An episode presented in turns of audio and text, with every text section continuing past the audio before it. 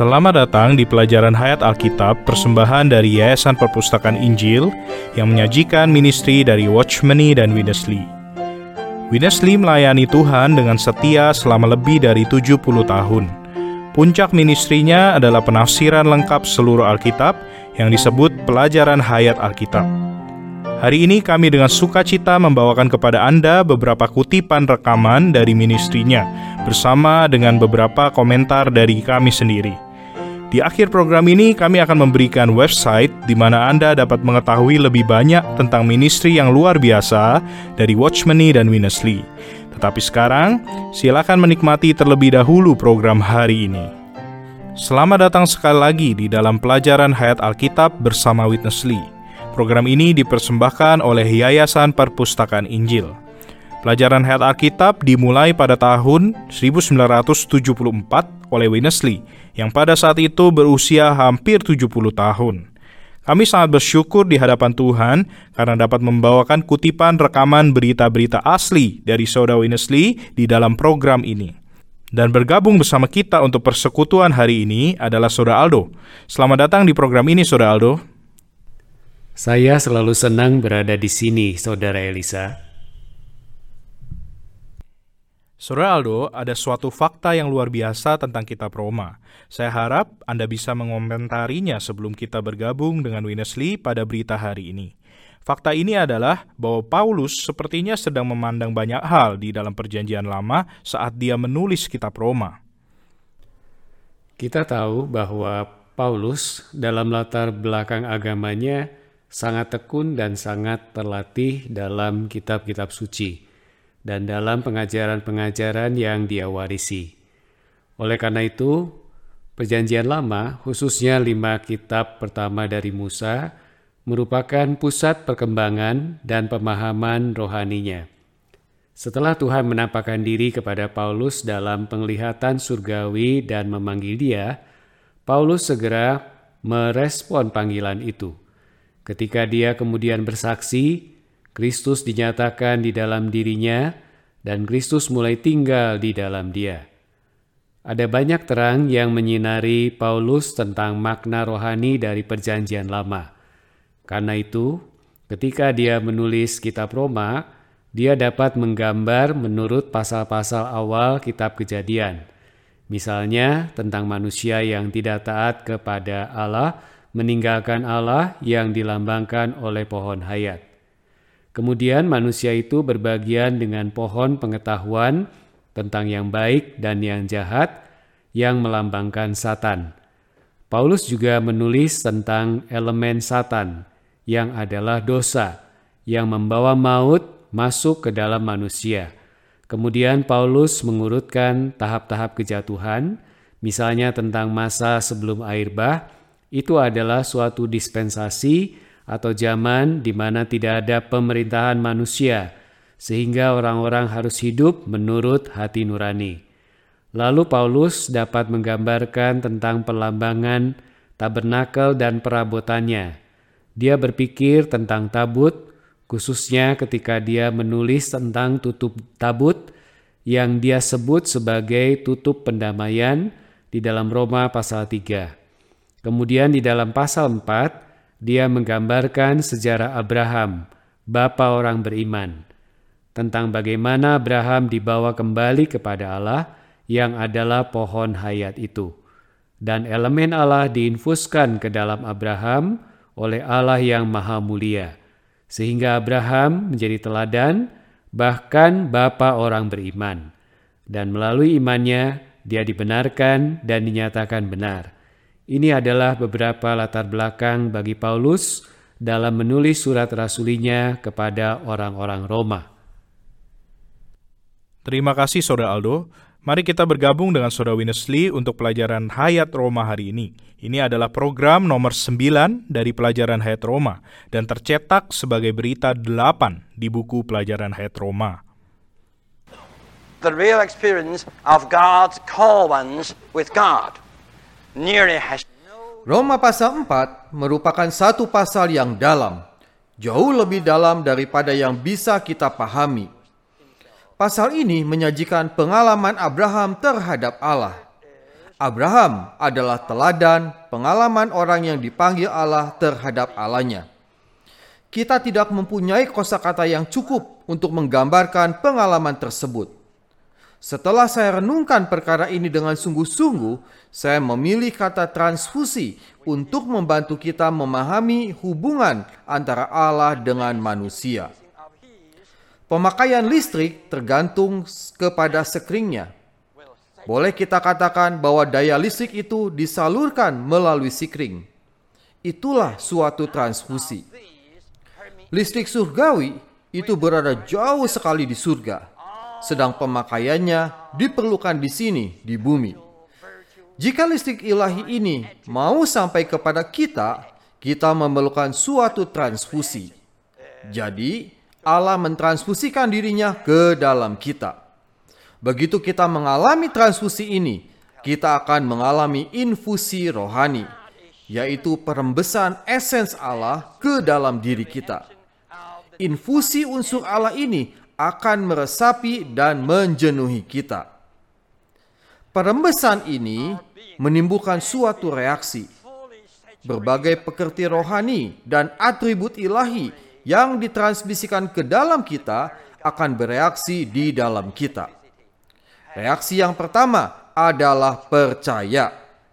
Itulah iman kita. Iman bukanlah kemampuan atau pekerti alamiah kita.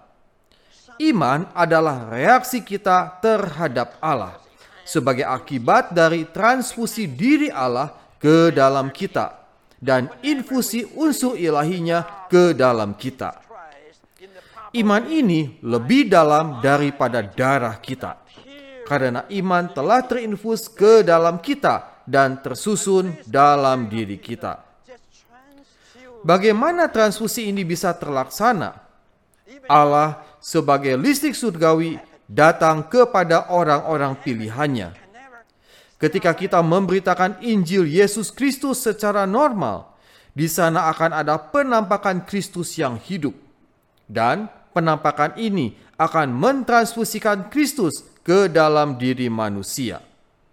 Begitu Kristus mentransfusikan dirinya ke dalam Anda, Anda tak bisa melepaskan diri lagi darinya. Anda tak dapat tidak percaya kepadanya. Saudara Aldo, dari bagian yang baru saja dibicarakan oleh Winnesley, bisakah Anda jelaskan mengenai infusi iman? Ketika kita mengalami penampakan Allah, iman diinfuskan ke dalam diri kita seperti pengalaman Abraham. Namun pada Abraham, penampakan Allah itu kan secara fisik dan luaran. Bagaimana Allah menampakkan dirinya pada kita hari ini?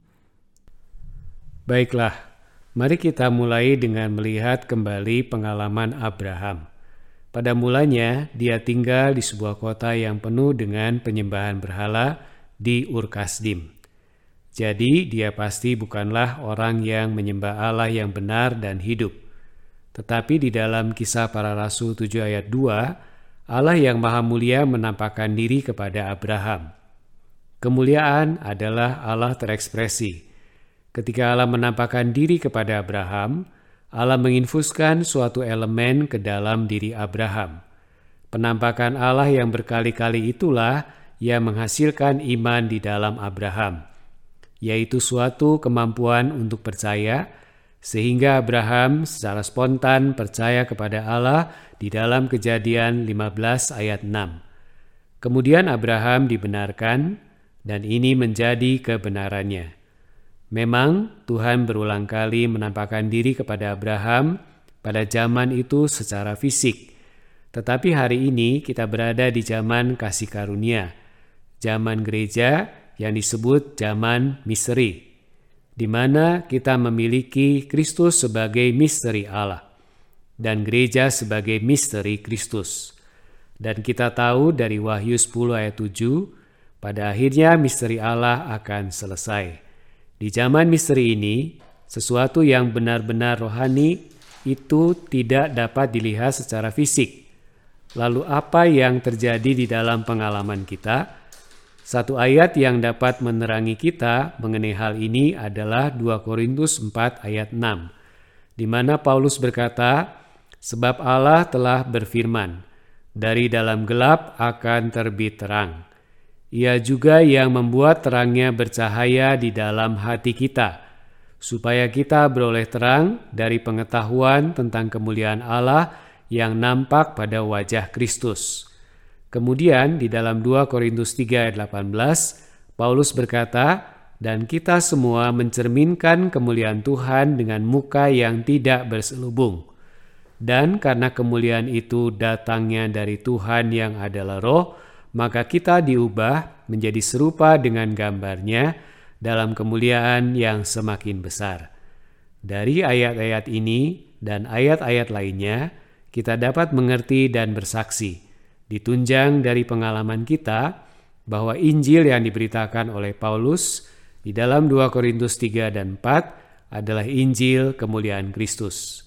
Jadi, ketika Injil ini diberitakan dan Kristus diproklamirkan dan diekspresikan, Allah yang maha mulia secara rohani dan tak terlihat bersinar ke dalam hati kita, menembus pikiran kita yang terbuka, menembus hati kita dan mencapai roh kita. Itu adalah suatu penginfusan. Ibrani pasal 12 menyuruh kita melayangkan pandangan kepada Yesus, sang pemimpin dan penyempurna iman kita. Dan Yesus ada di sebelah kanan Allah di dalam kemuliaan. Jadi, secara batini, di dalam roh kita, kita berpaling dari hal-hal jasmania dan memandang kepada Yesus. Lalu kita datang kepada Tuhan kita yang terkasih melalui firman yang mempersaksikan dia seperti yang dikatakan Tuhan di dalam Yohanes pasal 5. Jadi kita datang kepada Tuhan dengan muka yang tidak berselubung sebagai bejana yang terbuka. Kita mengontak Tuhan melalui berdoa. Kita mencari Tuhan di dalam firman. Kemudian Allah akan bersinar di dalam hati kita. Banyak dari kita yang dapat bersaksi tentang hal ini. Ini adalah realitas. Dan penyinaran yang dihasilkan di dalam diri kita ini menghasilkan iman yang sama seperti yang ditransfusikan Allah yang Maha Mulia ke dalam Abraham. Inilah kesaksian kami kepada semua saudara-saudari yang terkasih. Ini adalah sumber iman, dan iman itu tinggal di dalam kita. Sumbernya adalah Allah yang Maha Mulia itu sendiri. Dia mentransfusikan elemennya ke dalam kita, memampukan kita untuk percaya, sehingga oleh iman yang dari Allah, kita percaya dalam Allah dan percaya dalam Kristus dan percaya pada kematiannya yang menebus, percaya pada kebangkitan yang membagikan hayat, dan kita dibenarkan oleh kasih karunia melalui iman. Terima kasih Saudara Aldo. Mari kita bergabung kembali dengan Saudara Winnesley untuk mendengarkan lebih banyak pelajaran hayat Roma. Got something of God's element by God's infusion. Abraham telah menerima unsur Allah melalui proses infusi ilahi. Sekalipun kebenaran telah dihitung bagi Abraham, namun ia masih belum mengalami kebenaran itu secara konkret dan mantap. Demikian pula, mungkin kita telah memiliki Kristus sebagai kebenaran kita. Namun, kita belum mengalaminya secara real dan mantap. Pada saat kita berseru kepadanya, kita menerima Kristus, dan Kristus menjadi kebenaran kita. Tetapi, Kristus masih harus menjadi pengalaman kita. Jadi kita memerlukan syarat. Jangan mau berurusan dengan hukum Taurat, yakni Hagar, melainkan bekerja samalah dengan kasih karunia, yaitu datang kepada Sarah. Jika Anda menyatukan diri Anda dengan Sarah, Anda akan mengalami Kristus sebagai kebenaran Anda. Jangan mencari hukum Taurat, dan jangan pula bertekad melakukan kebaikan. Akan tetapi, jika Anda bersatu dengan kasih karunia, kesatuan ini akan melahirkan Kristus, yaitu Ishak yang sejati. Ishak melambangkan pengalaman yang konkret dari kebenaran yang Allah perhitungkan kepada Abraham. Kita memustikakan pengalaman ini mempertahankannya sebagai barang yang berharga, dan menghargainya bagaikan anak tunggal kita. Boleh jadi kemudian Allah menampakkan diri pula dan bertanya, Maukah kamu maju terus bersamaku? Inginkah kamu menikmati penampakanku selanjutnya? Kalau mau, kamu harus mempersembahkan Ishak.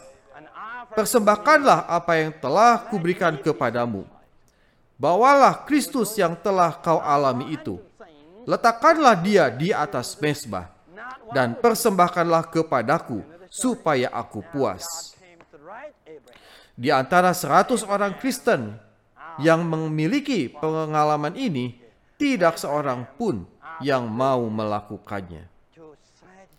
Abraham mempersembahkan Ishak untuk kepuasan Allah. Dalam kejadian pasal 22, kita nampak Allah tidak saja adalah Allah yang menjadikan yang tidak ada menjadi ada. Bahkan ia adalah Allah yang membangkitkan orang mati. Ibrani pasal 11 ayat 17 sampai 19 mengatakan Ishak telah dibangkitkan dan Abraham menerima Ishak kembali, yakni Ishak yang telah dibangkitkan oleh Allah. Hal ini menghasilkan suatu transfusi, infus, dan peresapan yang lebih lanjut dan lebih limpah dari Allah ke dalam Abraham. Ia menerima bagian Allah sepenuhnya. Allah Bapa ditransfusikan ke dalamnya. Karena itu, Abraham menjadi bapa, bukan saja bapa bagi Ishak secara individu, tetapi juga bapa korporat dari jutaan keturunan yang menjadi kerajaan Allah di bumi ini untuk penggenapan rencana Allah. Baiklah Saudara Aldo, hal ini cukup dalam. Kita akan membicarakannya lebih jauh. Bisakah Anda mengatakan sesuatu tentang bagaimana dalam pengalaman kita bahwa begitu kita mengalami penginfusan iman ini, kita mendambakan untuk mempersembahkan sesuatu kepada Allah. Tetapi satu-satunya hal yang memuaskan Allah adalah Kristus. Mari kita melihat pengalaman Abraham lebih lanjut di sini. Di dalam Kejadian 5, iman diinfuskan ke dalam diri Abraham Abraham percaya dan kebenaran diberikan kepadanya. Kemudian, dia dimampukan untuk percaya kepada janji bahwa dia akan memiliki seorang anak, walaupun Abraham dan istrinya telah lanjut usia. Dan akhirnya Ishak pun lahir. Kemudian, setelah Abraham lebih banyak memiliki waktu dengan Allah, lebih banyak hidup di hadiratnya, dan lebih banyak menerima penginfusan, Allah datang lagi kepada Abraham dengan suatu tuntutan kepada Abraham untuk pergi ke Gunung Moria dan mempersembahkan Ishak sebagai kurban kepada Allah. Jadi, iman itu setelah berkembang di dalam kita memampukan kita untuk bereaksi secara positif untuk merespon Allah yang Maha Mulia dengan apa pun yang Dia minta. Respon atas reaksi ini bukan berasal dari hayat alamiah kita, di mana kita ingin melakukan sesuatu untuk Allah dan mempersembahkan sesuatu untuk Allah dengan usaha kita sendiri. Tidak, ini adalah suatu respon yang spontan, reaksi terhadap penampakan Tuhan. Dan sekarang, melalui iman, kita bukan hanya percaya kepada Allah Pencipta yang menjadikan dengan firman-Nya apa yang tidak ada menjadi ada, tetapi juga percaya kepada Allah yang memberikan hayat kepada orang mati, yaitu Allah kebangkitan. Jadi, ketika kita memberikan persembahan, itu adalah di dalam ketaatan oleh iman. Tuhan menghormati iman kita melalui membuat dirinya sendiri dapat dikenal oleh kita sebagai Allah kebangkitan. Kemudian, Allah akan melimpahkan kepada kita lebih banyak berkat bagi pemenuhan tujuan kekalnya. Terima kasih Saudara Aldo. Mari kita bergabung kembali dengan saudara Witness Lee.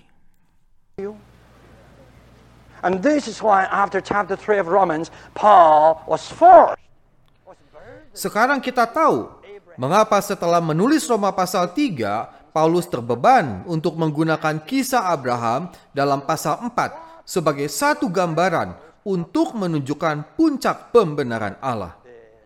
Tujuan pembenaran Allah adalah untuk memiliki satu reproduksi Kristus dalam jutaan orang saleh. Kaum saleh ini sebagai reproduksi Kristus menjadi anggota-anggota tubuhnya. Tubuh Kristus ini kemudian menjadi kerajaan Allah di bumi untuk menggenapkan rencana Allah. Tubuh Kristus sebagai kerajaan Allah telah diuraikan dalam Roma pasal 12 sampai 16. Semua gereja lokal merupakan ekspresi tubuh Kristus sebagai kerajaan Allah.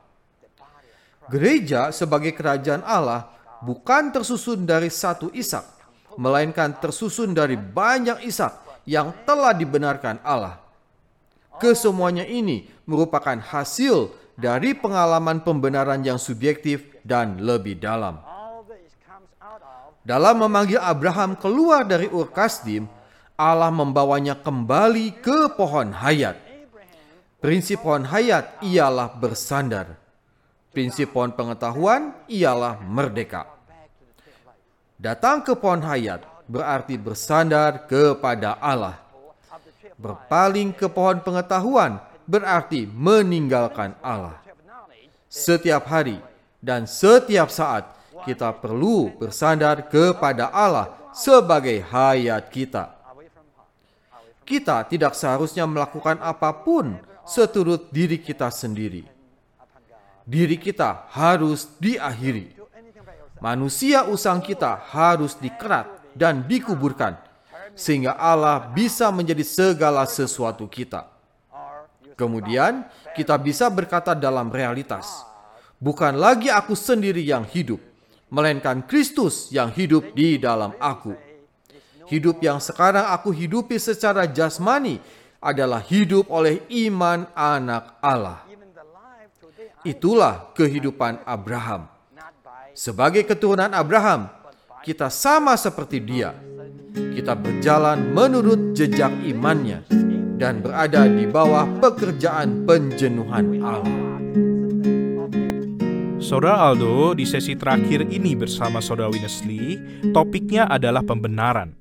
Dan kita tahu bahwa pembenaran oleh iman adalah topik utama dalam kitab Roma. Apa artinya bahwa tujuan Allah dalam pembenaran adalah untuk membawa kita kembali ke pohon hayat? Ini adalah pertanyaan yang sangat bagus. Pembenaran oleh iman adalah suatu prinsip yang sangat mendasar. Hal ini adalah kebenaran Injil yang tidak dapat disangkal dan diperdebatkan.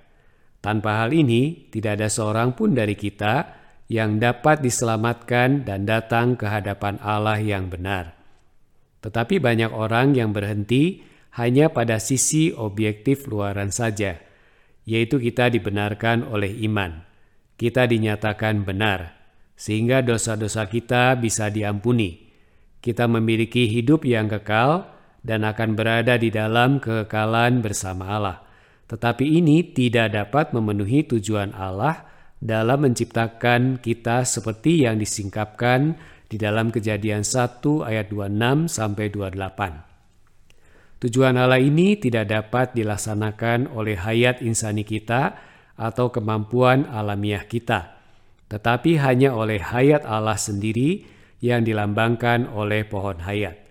Oleh karena itu, tujuan dan sasaran pembenaran itu bukan hanya supaya kita diperhitungkan sebagai kebenaran, lalu kita diampuni dan kita diperdamaikan dengan Allah, tetapi adalah untuk membawa kita kembali kepada diri Allah sendiri dan untuk mengenal Dia sebagai pohon hayat yang adalah hayat yang kekal. Sehingga melalui hayat ini kita dapat berkontribusi bagi pemenuhan tujuan Allah. Di dalam Roma pasal 5, Paulus berbicara mengenai pembenaran kepada hayat. Tuhan ingin memberi kita hayat kekalnya yang dilambangkan oleh pohon hayat. Tetapi di dalam kejadian pasal 3, jalan menuju ke pohon hayat itu ditutup dan dihalangi oleh kerup dengan pedang yang menyala-nyala yang menandakan kebenaran, kekudusan, dan kemuliaan Allah. Semua tuntutan Allah itu harus dipenuhi agar Allah dapat dengan bebas menyalurkan hayatnya kepada kita. Tetapi kitab Roma menyingkapkan bahwa penebusan dan kebangkitan Kristus itu telah memenuhi semua tuntutan itu. Dan ketika kita menerima iman melalui penginfusan, kita percaya kepada Allah. Kita dibenarkan di hadapan Allah dan oleh Allah. Maka dia dapat membuat perkataan Paulus di dalam Roma 5 menjadi riil bagi kita, di mana kita dibenarkan kepada hayat. Dan hayat itu adalah hayat yang kekal, yang dilambangkan oleh pohon hayat. Jadi, tujuan dari pembenaran ini adalah untuk membawa kita kembali kepada Allah sebagai pohon hayat. Sehingga melalui hayat ini, dia dapat memenuhi tujuannya, rencananya untuk memiliki banyak putra, banyak saudara Kristus yang diserupakan kepada gambarnya. Ini dikatakan di dalam Roma pasal 8 ayat 29. Dan jika kita membaca dengan seksama kitab Roma pasal 4 yang mengacu pada kitab Kejadian 15 ayat 6 tentang Abraham yang dibenarkan oleh iman, kita akan melihat hasil atau tujuannya adalah untuk menghasilkan benih yang dijanjikan. Keturunan-keturunan Abraham yang akan menjadi banyak jumlahnya. Dan keturunan Abraham yang banyak ini pada akhirnya adalah semua orang percaya yang akan menjadi anggota tubuh Kristus untuk melaksanakan dan memenuhi tujuan Allah. Saudara Aldo, ini adalah pelajaran hayat yang luar biasa hari ini. Terima kasih atas persekutuan Anda. Saya senang kita akan memiliki lebih banyak lagi persekutuan di waktu yang akan datang. Saya sangat menikmati persekutuan ini, Saudara Elisa. Terima kasih. Dan terima kasih juga telah bergabung dengan kami. Ini adalah berita klasik dari sebuah kitab klasik di dalam Alkitab. Setiap orang Kristen yang serius harus menuangkan diri sepenuhnya pada setiap halaman kitab Roma. Karena kitab ini mengandung begitu banyak fondasi dan unsur dasar dari iman kita. Pelajaran Hayat Roma akan hadir dengan berita lain tentang pembenaran. Semoga Tuhan menyertai roh Anda dan kasih karunia-Nya menyertai Anda. Terima kasih Saudara Aldo, saya Elisa, terima kasih telah mendengarkan. Anda telah mendengarkan pelajaran Hayat Alkitab bersama Witness Lee, dipersembahkan oleh Yayasan Perpustakaan Injil. Untuk mendapatkan program lain dari pelajaran hayat ini, silahkan mengunjungi website kami di pelajaranhayat.com. Saya ulangi, pelajaranhayat.com. Terima kasih.